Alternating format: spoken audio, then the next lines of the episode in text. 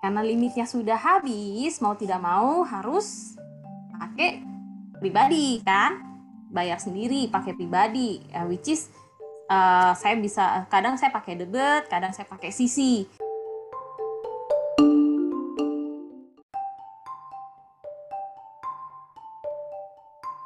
Gede banget nih, bisa 5 juta ke atas kan, karena yang namanya tumor payudara itu um, lumayan panjang banget uh, untuk tesnya segala macam.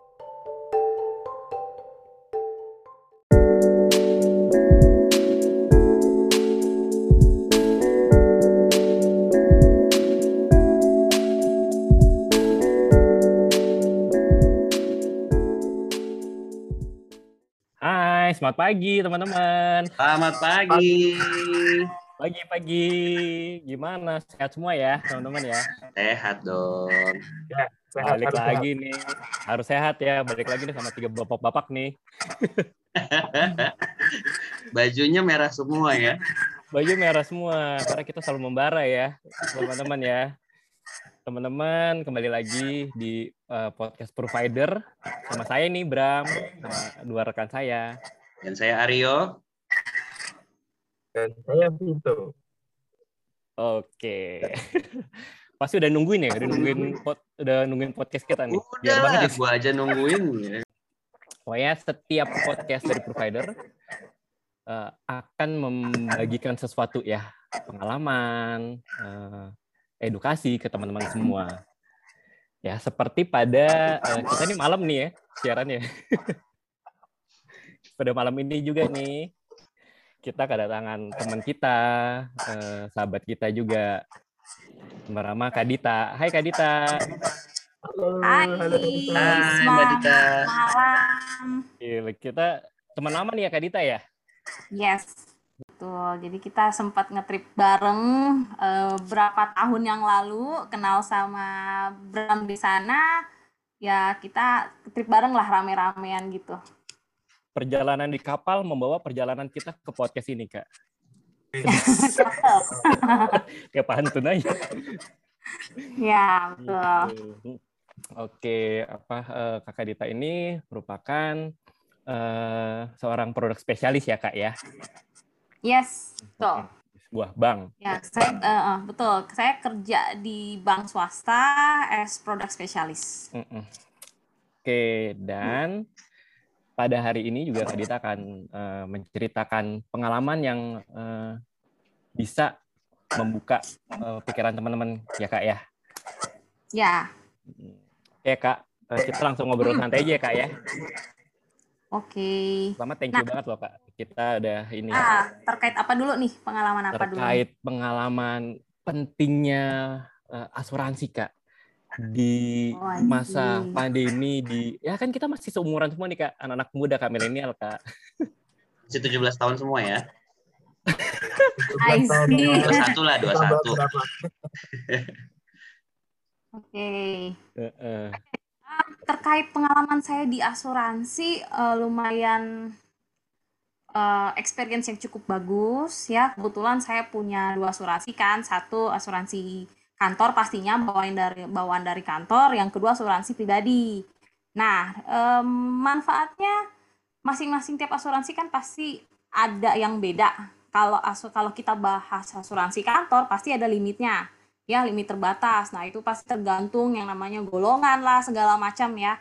Nah, kalau misalnya untuk asuransi pribadi sendiri nih, kebetulan banget saya thanks dulu nih sama Bram. Thank you Bram udah kenalin uh, asuransi yang sekarang saya punya ya thank you banget uh, dan itu sangat uh, sangat bermanfaat banget sangat ngebantu saya ya thank you thank you so much um, oke okay. kita balik lagi kenapa sih bisa pakai asuransi gitu kan kenapa um, ada apa nih what's happen with you dit gitu kan kenapa kamu bisa um, klaim asuransi segala macam. Jadi gini ceritanya di bulan April kebetulan saya um, didiagnosa ada tumor payudara ya.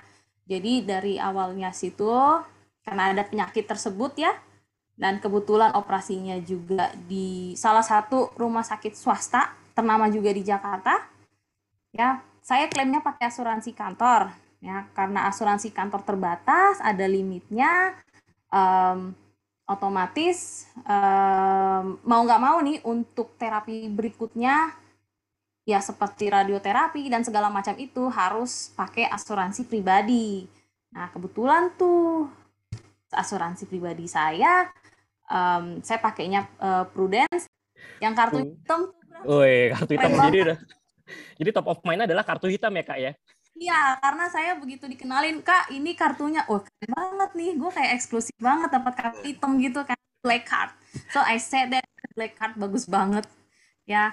Uh, kemudian lanjut ya, lanjut cerita setelah selesai um, pakai asuransi kantor dan asuransi kantor kan seperti tadi saya ada limitnya, ada uh, rawat jalan, kemudian rawat nginap. Kebetulan limit rawat jalannya sebelum mulai operasi kan pasti ada yang namanya uh, biaya dokter ya. Biaya dokter kemudian biaya lab segala macam.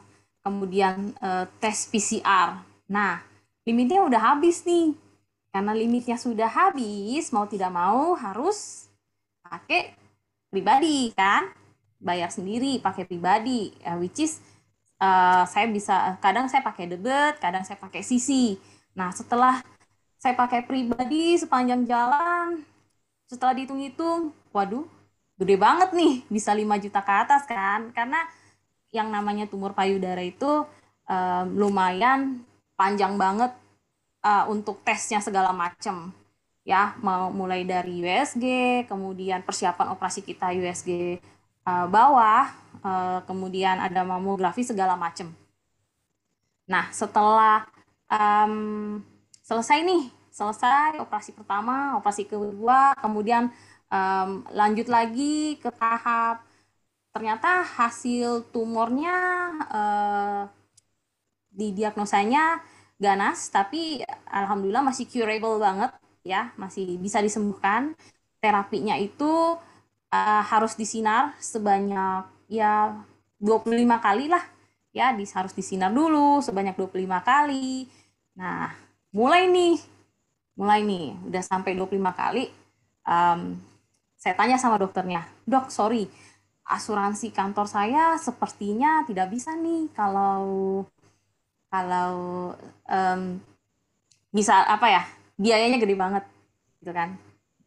Dalam arti kata di sini kan saya tidak tahu ya uh, berapa banyak yang harus kita keluarkan harus kita bayar um, untuk uh, bayaran untuk terapi berikutnya gitu. Itu kan pasti panjang nih panjang. Dan asuransi kantor ya ya as you guys know dari awal saya bilang ada limitnya ya kan. Jadi untuk preventif ke depannya supaya smooth berjalan lancar akhirnya saya bilang ke dokter dok eh, saya punya asuransi pribadi kalau pakai provider ini apakah bisa di sini klaim di sini? Oh kebetulan nggak kerja sama dia bilang gitu. Oke okay um, Bram saya balik lagi ke Bram nanya Bram gimana Bram? Uh, kamu ada suggest ke saya nggak? Ada kak MRCC ya udah datanglah saya ke sana ya kan? Ke MRCC Siloam dan alhamdulillah banget semuanya prosesnya berjalan lancar mudah banget ya makanya saya selalu bilang sama Bram selalu banget kalau setiap uh, saya ke Semanggi ya ke rumah sakit itu um, prosesnya mudah. Terus saya bilang, Bram, thank you banget sudah kenalin saya. Saya selalu bilang gitu sama Bram. Ya, you guys bisa tanya sama Bram, ya.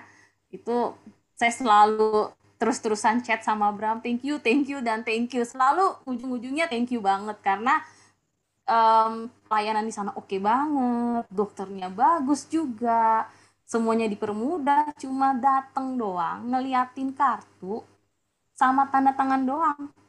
Gitu. Saya sudah sampai sampai panik ah aduh ini biayanya berapa ya? Kira-kira diklaim nggak ya? Aduh untuk alat radioterapinya segala macem di Siloam Semanggi. Gitu. Jadi um, seberapa pentingkah asuransi? Ya in my opinion itu penting banget. Sangat sangat penting banget. Yang namanya asuransi kesehatan pasti itu penting. Gitu. Kita tidak pernah tahu kapan kita akan terkena penyakit. Itu sih yang eh, jadi poinnya. Jadi dari pengalaman saya sendiri, um, saya juga nggak nyangka ya, uh, ya waktu dibilang sama dokternya uh, kamu ini ya uh, kebutuhan tumornya ganas gitu. Yang dipikiran kan pasti biaya, ya pasti yang namanya kalau kita kena penyakit, uh, the most important thing pasti kita will be thinking about the biaya gitu ya. Biaya biaya dan biaya gitu. Selain ya selain biaya transportasi ya taruhlah transportnya murah. Tapi kalau biaya kesehatannya kan very mahal banget very expensive. Tergantung apa uh, yang yang apa ya yang orang hadapin ya penyakit uh, yang dihadapi. Kalau misalnya kayak penyakit berat contohnya kayak cancer it's really need a lot of money ya.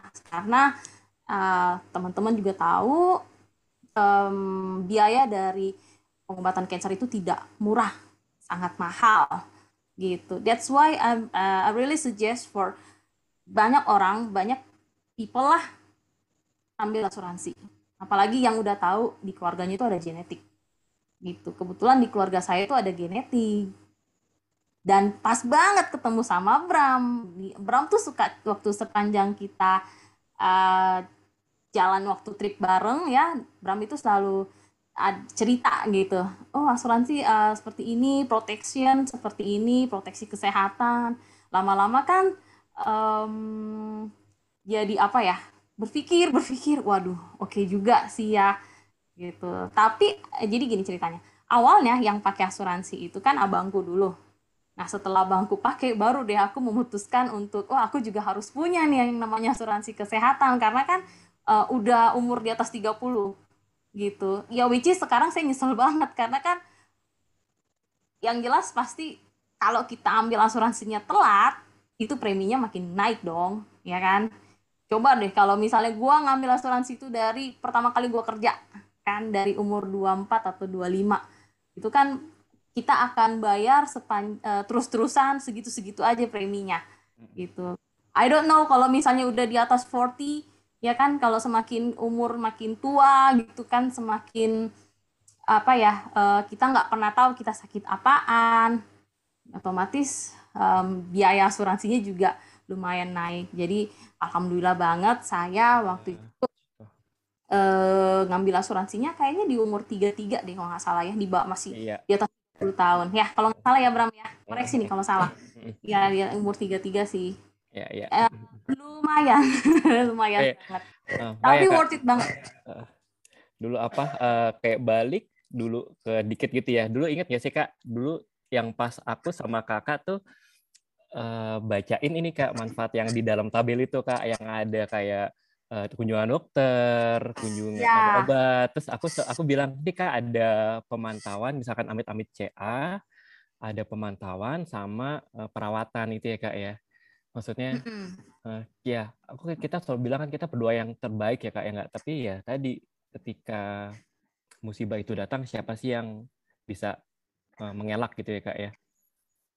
Iya, betul betul banget. Makanya waktu Bram uh, ngejelasin terkait yang ada di tabel itu kan. Uh, pertama kali aku tanya, Bram, ini setel kalau misalnya nih orang kena CA gitu kan, kena cancer, um, apa aja nih benefitnya dari um, produk tersebut ya. Terus Bram udah ngejelasin panjang lebar, kebetulan kan saya bilang ke Bram, uh, Bram keluarga saya tuh punya genetik segala macam. Jadi saya harus pastikan bahwa asuransi ini benar-benar uh, bekerja gitu, sesuai gitu. Jadi ja apa ya kalau orang zaman sekarang kan isti, istilahnya uh, omong doang kan.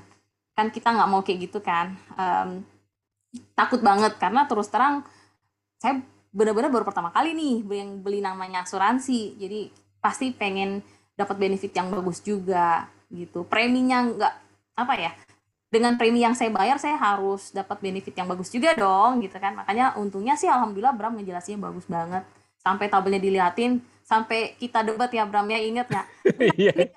Iya. pokoknya seperti ini gitu. Kadita tuh detail loh, detail banget.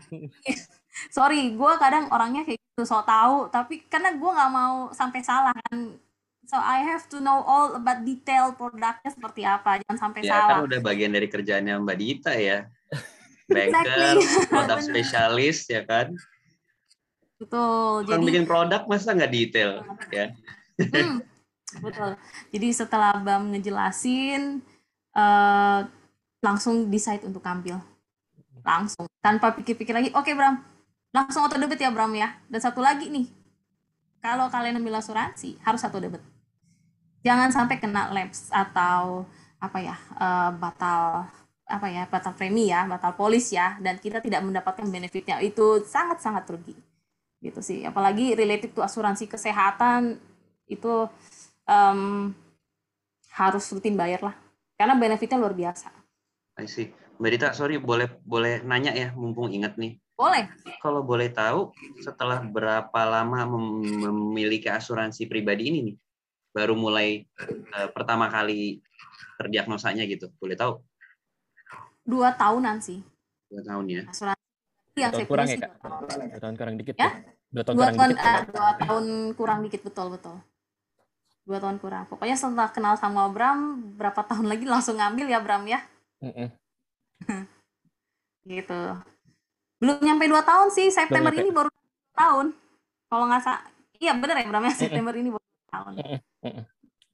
karena terdiagnosanya baru tahun ini banget eh, bulan April bulan April. Jadi makanya saya kaget. Eh, Bram ini kenapa ini Bram? Waduh. Sempet panik langsung WhatsApp Bram langsung telepon. Bram gue didiagnosa kayak gini Bram. Oh lu harus tahu ya bla bla bla. Langsung Bram eh, nenang- cukup nenangin juga ya Bram ya. Kakak Uh-uh. udah semangat. Kakak pasti bisa. Tenang kakak harus semangat ya. Kalau ada apa-apa kita keep kontak segala macam. Eh, ya udah Bram. Eh, mungkin gua operasi gua akan pakai operasi apa eh, asuransi kantor dulu ya Bram ya. Karena em, pakai yang itu dulu. Jadi em, kebetulan eh, di asuransi pribadi yang saya punya itu kan di rumah sakit di tempat saya operasi belum bekerja sama nih. Jadi harus sistemnya reimburse kan. Kalau reimburse kan berarti kita harus pakai dana sendiri dong. Kalau dana sendiri kan ya you know lah gitu kan gede banget pasti kan biayanya. Jadi jadi Bram saya pakai asuransi kantor dulu untuk yang namanya operasi segala macam. Nanti kalau ada terapi lainnya kita akan pakai asuransi yang saya punya asuransi pribadi yang saya punya sekarang. Gitu. Mm-mm. iya. Siap Kak, ini thank you Kak sharingnya. Mas Vito mungkin ada yang mau tambahkan?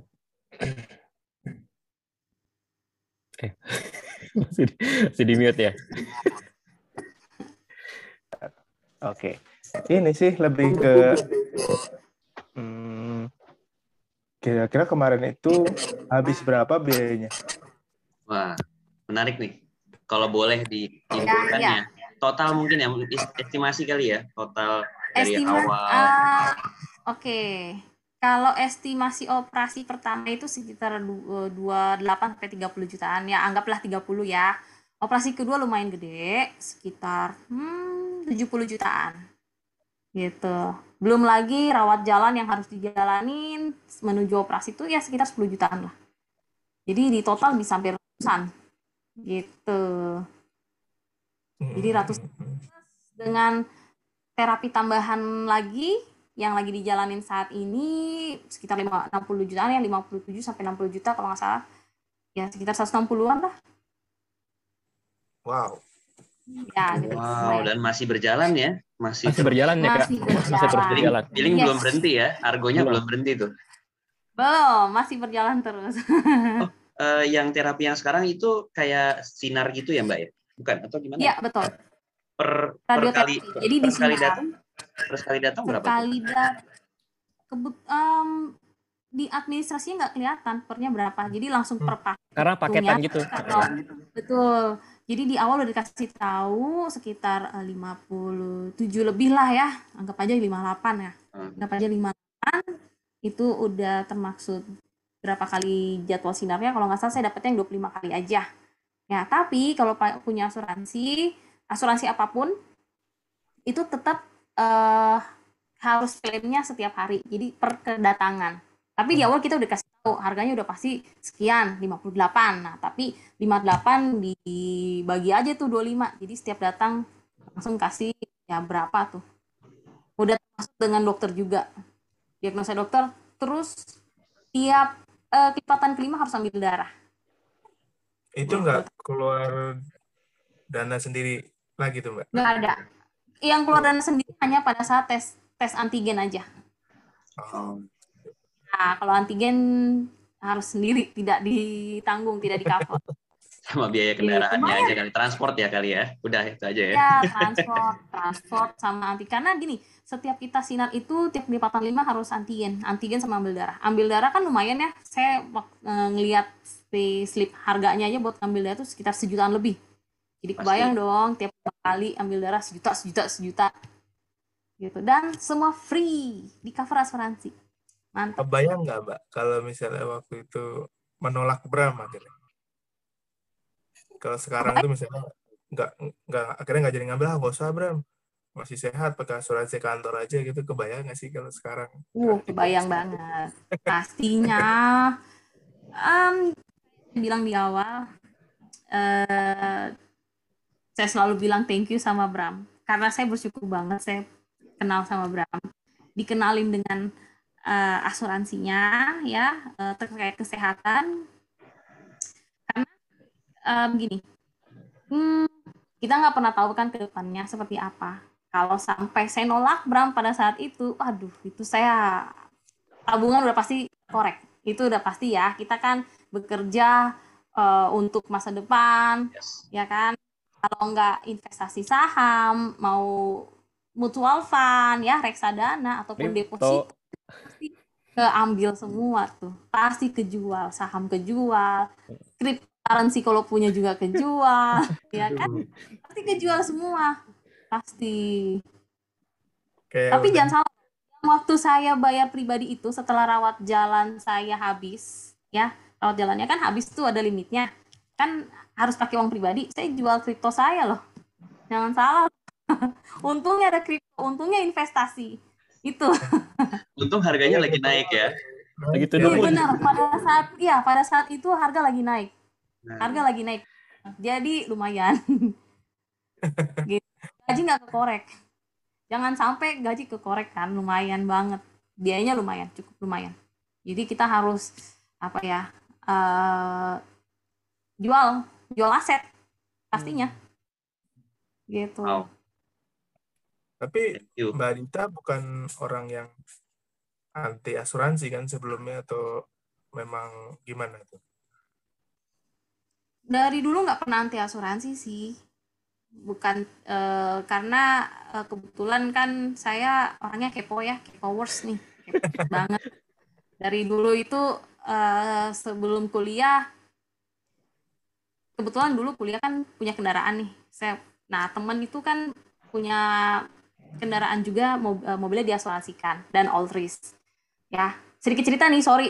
Eh, keluar dari jalur nih. Awalnya nih awalnya nih awalnya sedikit sedikit cerita. Nah karena saya tahu dia ke asuransi all risk saya mintalah ke papa saya. Pak saya juga mau dong di all risk juga pakai asuransi. Emang kamu ngerti apa? Gitu kan. Pokoknya saya juga mau ikut ikutan karena yang namanya cewek kalau bawa mobil udah kayak bawa angkot gitu kan bersama nomor sini. Gitu. Pokoknya saya mau ikutan juga ya pak ya. Ya udah si papa tuh yang yang jadi ininya lah ya. Yang penting kan diklaim asuransi segala macam biar aman. Kalau misalnya ada kebetulan saya kuliah di Bandung kan mobil plat B. Ya you guys know ya kalau misalnya bola lagi tanding kita plat B diapain? Eh ini temanku juga kan? Bandung juga loh kak. Bandung kak. Bandung juga. Kan- Ada sama Vito. Kebetulan aku sama Oh, iya. Vito kuliahnya di Bandung. oh oke oke sih Jadi paham, paham. Lanjut Hmm. lanjut. lanjut ya makanya eh, ya di lagi jalan lampu merah di Plago wah ketahuan banget ya angkat angkatan berapa ya Plago bilangnya ya di lampu merah Plago sekarang udah nggak ada tuh ya jadi hotel nah dikeplak ya sama ini ya sepak sepak bola ya. Jadi lumayan aduh ada lecet kan? Aduh gimana nih lecet? Ya udah tenang ada asuransi. Awalnya dari situ kenal asuransi. Masih belum tahu tuh em, manfaat-manfaat asuransi yang lain. Ya namanya juga masih kuliah kan masih belum tahu. Taunya asuransi mobil doang gitu. Pas pas udah mulai kerja nih pas mulai kerja tahu asuransinya yang ter- terkait unit link doang. Karena kan investasi gitu. Saya seneng banget belajar sesuatu tentang investasi, makanya sering baca-baca tentang unit link. Tapi saya lupa terkait kesehatan. Paslah si Bram masuk, langsung deh jatuh cinta. Gitu. Jadi semua karena Bram. So I always say thank you, thank you, and thank you Bram. Thank you so Semua gara-gara Labuan, Labuan Bajo kak di kapal kak. Kalau nggak ada kapal kita Ya, gitu. Gitu. Keren keren. Thank you banget ya Mbak Dita ya.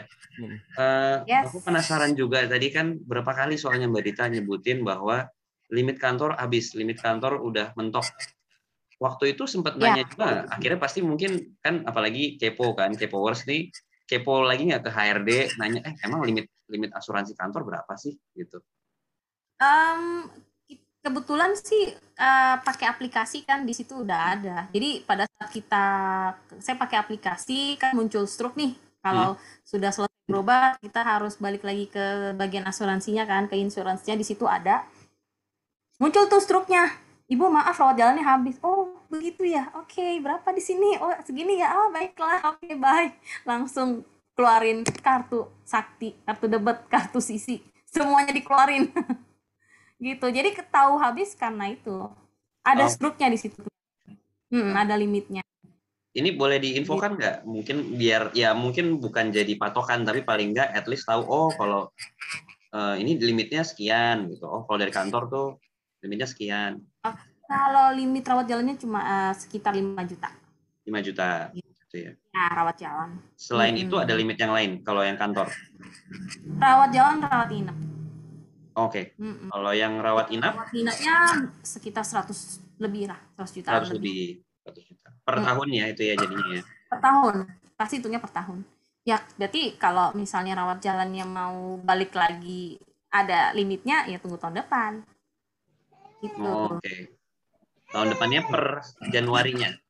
Dari Desember ke Januari ya. Per Januari pastinya. Oh, Oke, oke, oke.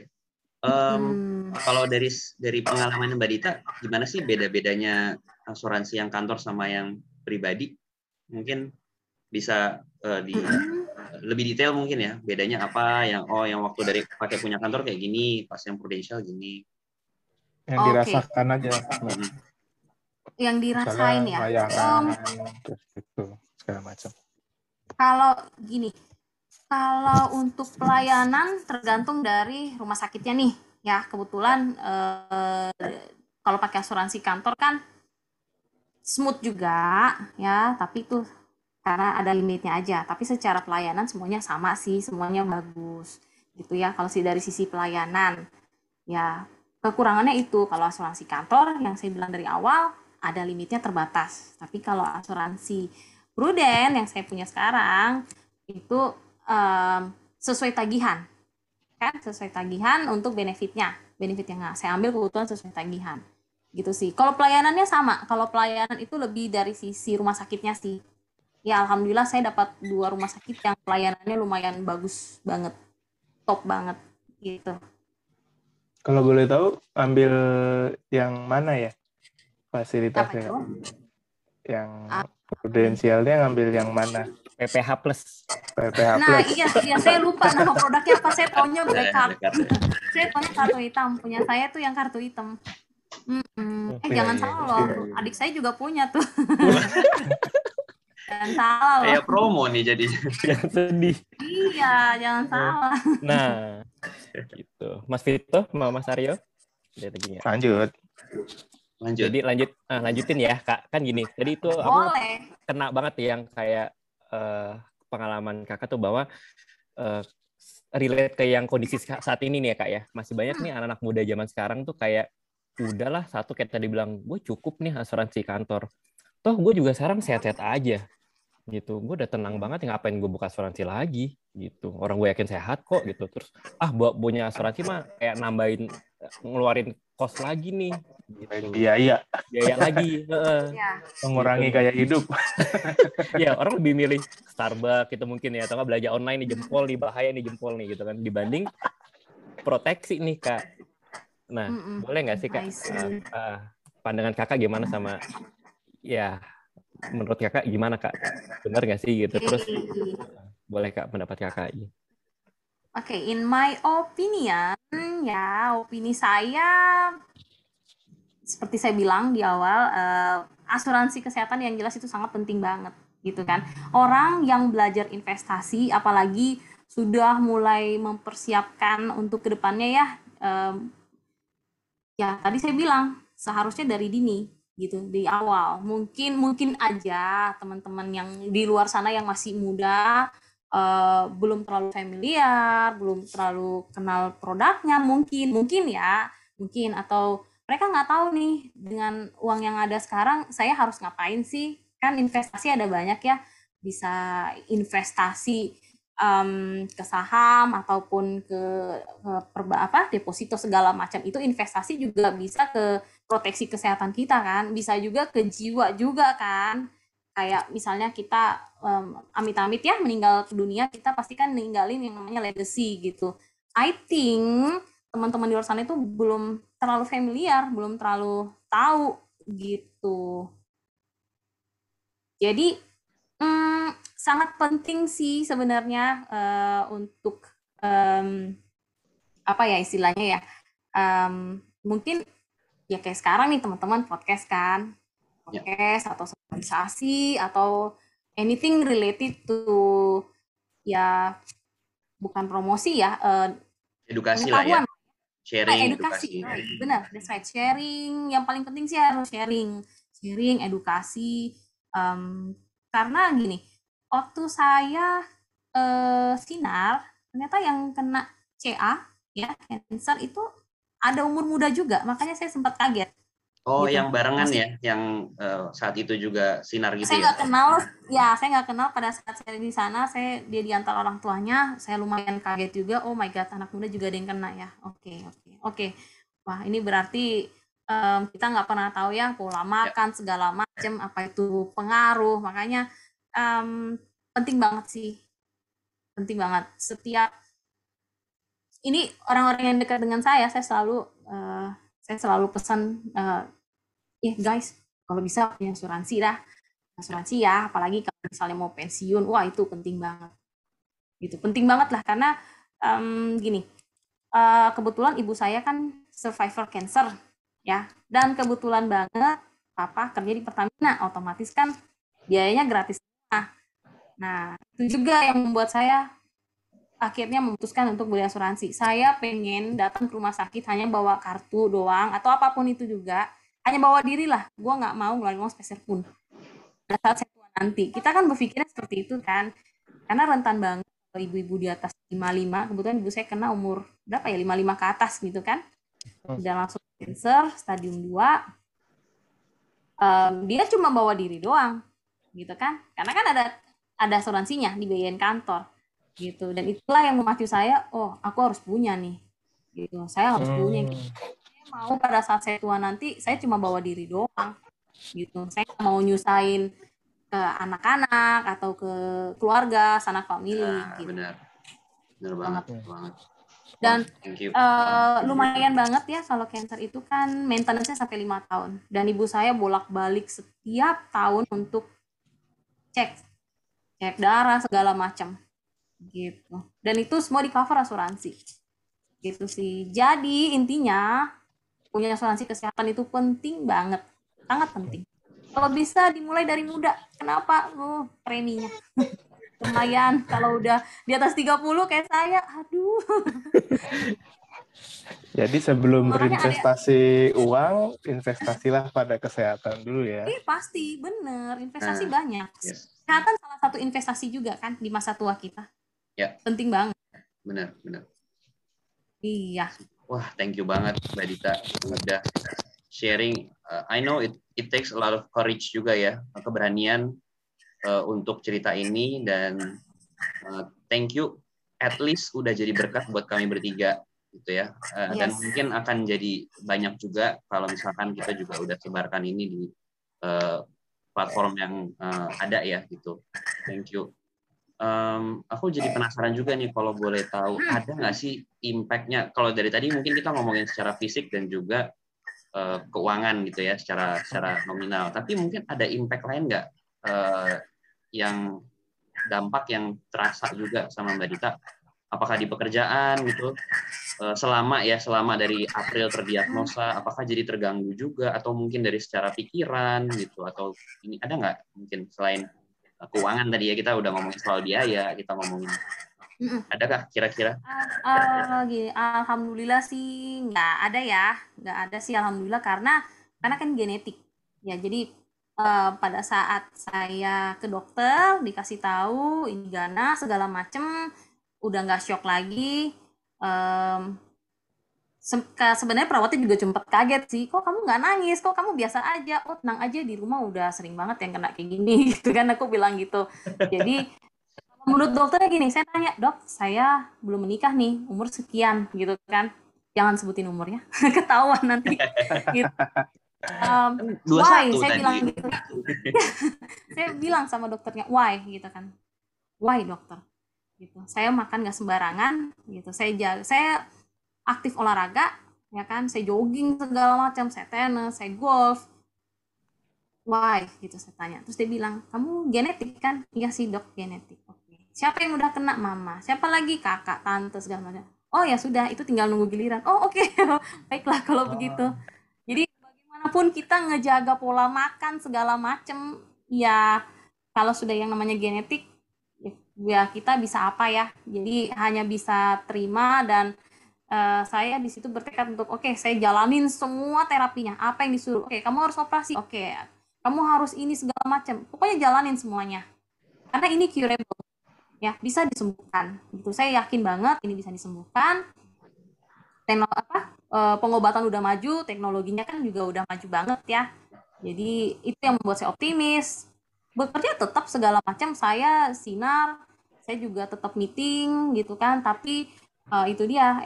Uh, effortnya adalah pagi itu harus bangun jam 6 sudah berangkat. Paling telat saya dari rumah setengah tujuh kebetulan kan rumah jauh di Bekasi gitu kan. Paling telat dari rumah setengah tujuh biar sampai sana bisa dapat jadwal sinar yang um, apa ya uh, cepat gitu kan. Nggak nggak terlalu siang banget. Takutnya kalau siang kan bentrok dengan meeting segala macam. Eh ternyata walaupun saya udah datang pagi pasien kankernya bertambah banyak. Saya jadi urutan ke selalu dapat jam sepuluh setengah sebelas padahal nyampe sana itu jam jam tujuh atau paling telat setengah delapan. Saya dapat urutan selalu jam sepuluh lewat. Karena udah pagi banget makanya saya tempat kaget eh kenapa banyak ya? Iya ini lagi banyak lagi banyak bu. Oh oke. Okay. okay, lagi, lagi banyak ya. Iya saya kaget juga benar. Lagi saya trending bu.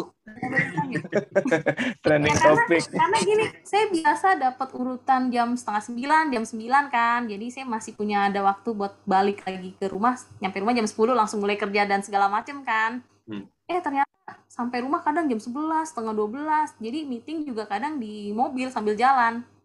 Gitu.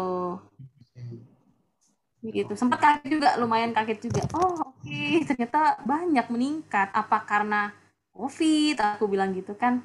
Nggak, nggak ada yang tahu. Kalau udah ya. kena CA itu nggak ada yang tahu. Oh, um, aku sharing pengalaman sama teman-teman yang kena juga ya, maupun ibu-ibu di sana. Uh, saya nggak ada rasa apa-apa mbak. Tiba-tiba saya ke dokter udah didiagnosa stadium 4 tiba-tiba saya ke dokter udah uh, macam-macam. Ada yang tiga ada yang sudah empat. Ya pas dengar orang stadium 4 lumayan kaget. Saya cuma bilang ibu saya doakan ya sehat selalu. Terus saya tanya ini kepo lagi nih. Karena saya kepo banget saya tanya ibu maaf ke sini apakah asuransi? Di asuransi dia bilang. Tanyalah saya kan asuransi apa bu? Pakai prudent juga. Oh oke. Okay. angkatan kita bu. Gitu tos-tosan deh. Um, banyak juga yang pakai itu sih di Siloam gitu lumayan banyak banget. Selain BPJS juga ada ya. Tapi asuransi pribadinya lumayan meningkat juga. Sempat kaget juga sih. Oke. Okay. bagus banyak yang yang sadar akan asuransi. Tapi mostly yang sakit itu di atas umur 50 semua sih. Yang sakitnya. Berarti um, orang tua kayaknya lebih apa ya lebih tereduket banget nih punya proteksi kesehatan kan? Gitu. Karena saya jarang jarang saya jarang lihat yang anak mudanya sih. Ya paling beberapa aja. Tapi yang saya tanya kebanyakan yang udah 50 tahun ke atas kebetulan asuransi asuransinya sama nih. Gitu Oke, oke, oke. Menarik, menarik. iya Oke, kakak Eh, Mas Vito, Sudah, yang sudah tambahin? cukup Nah, Hmm, cerah, aku sih sudah tercerahkan. Heeh, aku sih sudah thank you banget ya. Tadi aku udah bilang thank you berkali-kali juga udah mau hmm, thank you banget kak. Uh, uh, ini malah Dapat banyak hal banyak banget dari Mbak Dita. belajar banget kak. Uh, uh, aku tuh malah belajar. Sama-sama. Kita saling nguatin. Aku selalu bilang, pokoknya kita berdoa yang terbaik, kita lakukan yang terbaik Hmm. dan ya itu kak eh, segala keputusan kan balik lagi ya ke teman-teman ya. Tapi ya yuk kita sama-sama eh, action sekarang setuju ya kak ya dari perbincangan Ya. kita. yes action sekarang untuk ya nggak pernah tahu kita selalu berdoa yang terbaik tapi dengan adanya sharing kakak menguatkan kita semua untuk eh, ambil langkah aja gitu ya kak ya untuk eh, proteksi apa pun apa pun aku selalu bilang sih, apa pun brandnya yang penting kalian terproteksi secara eh, proper gitu kan gitu. Yap, oke mas Vito dari aku thank you banget silakan mas Iya, Vito kalau mau Dari dari saya juga terima kasih udah sudah udah, udah berani berbagi, udah mau berbagi supaya semoga lewat ini kita bisa menyebarkan cerita-ceritanya Mbak Dita ini bu- buat lebih banyak orang lagi. Yes. Gitu. Dan Iya. tentunya kami bertiga juga udah tahu ceritanya, pasti juga akan mendoakan ya prosesnya supaya benar-benar Amin. sampai tuntas, sampai sudah nggak ada lagi ya di tubuhnya Mbak Dita. Lancar dan amin amin sehat. thank you Bismillah pokoknya kak aku bilang Bismillah berkah dalam udah dua kali iya thank you so much ya sama-sama Iya. udah mungkin ya. Kita tutup. Udah. Thank you banget ya Oke. teman-teman udah menyaksikan ini kita nih provider nantikan ya Men- jangan lupa mendengarkan, mendengarkan, Mbak. Oh iya, Mendengarkan, Mbak. mendengarkan, Mendengarkan. mendengarkan. eh. Nantikan pokoknya episode-episode berikutnya Iya. karena Oke. kami generasi melek keuangan. Tuh kan. Oke, sampai Thank you teman-teman. Sampai ketemu Sampai di jumpa episode ya. selanjut selanjutnya. Makasih banyak kakak. Terima Makasih kasih ya banyak. semua. Terima kasih banyak, Dita. Bye.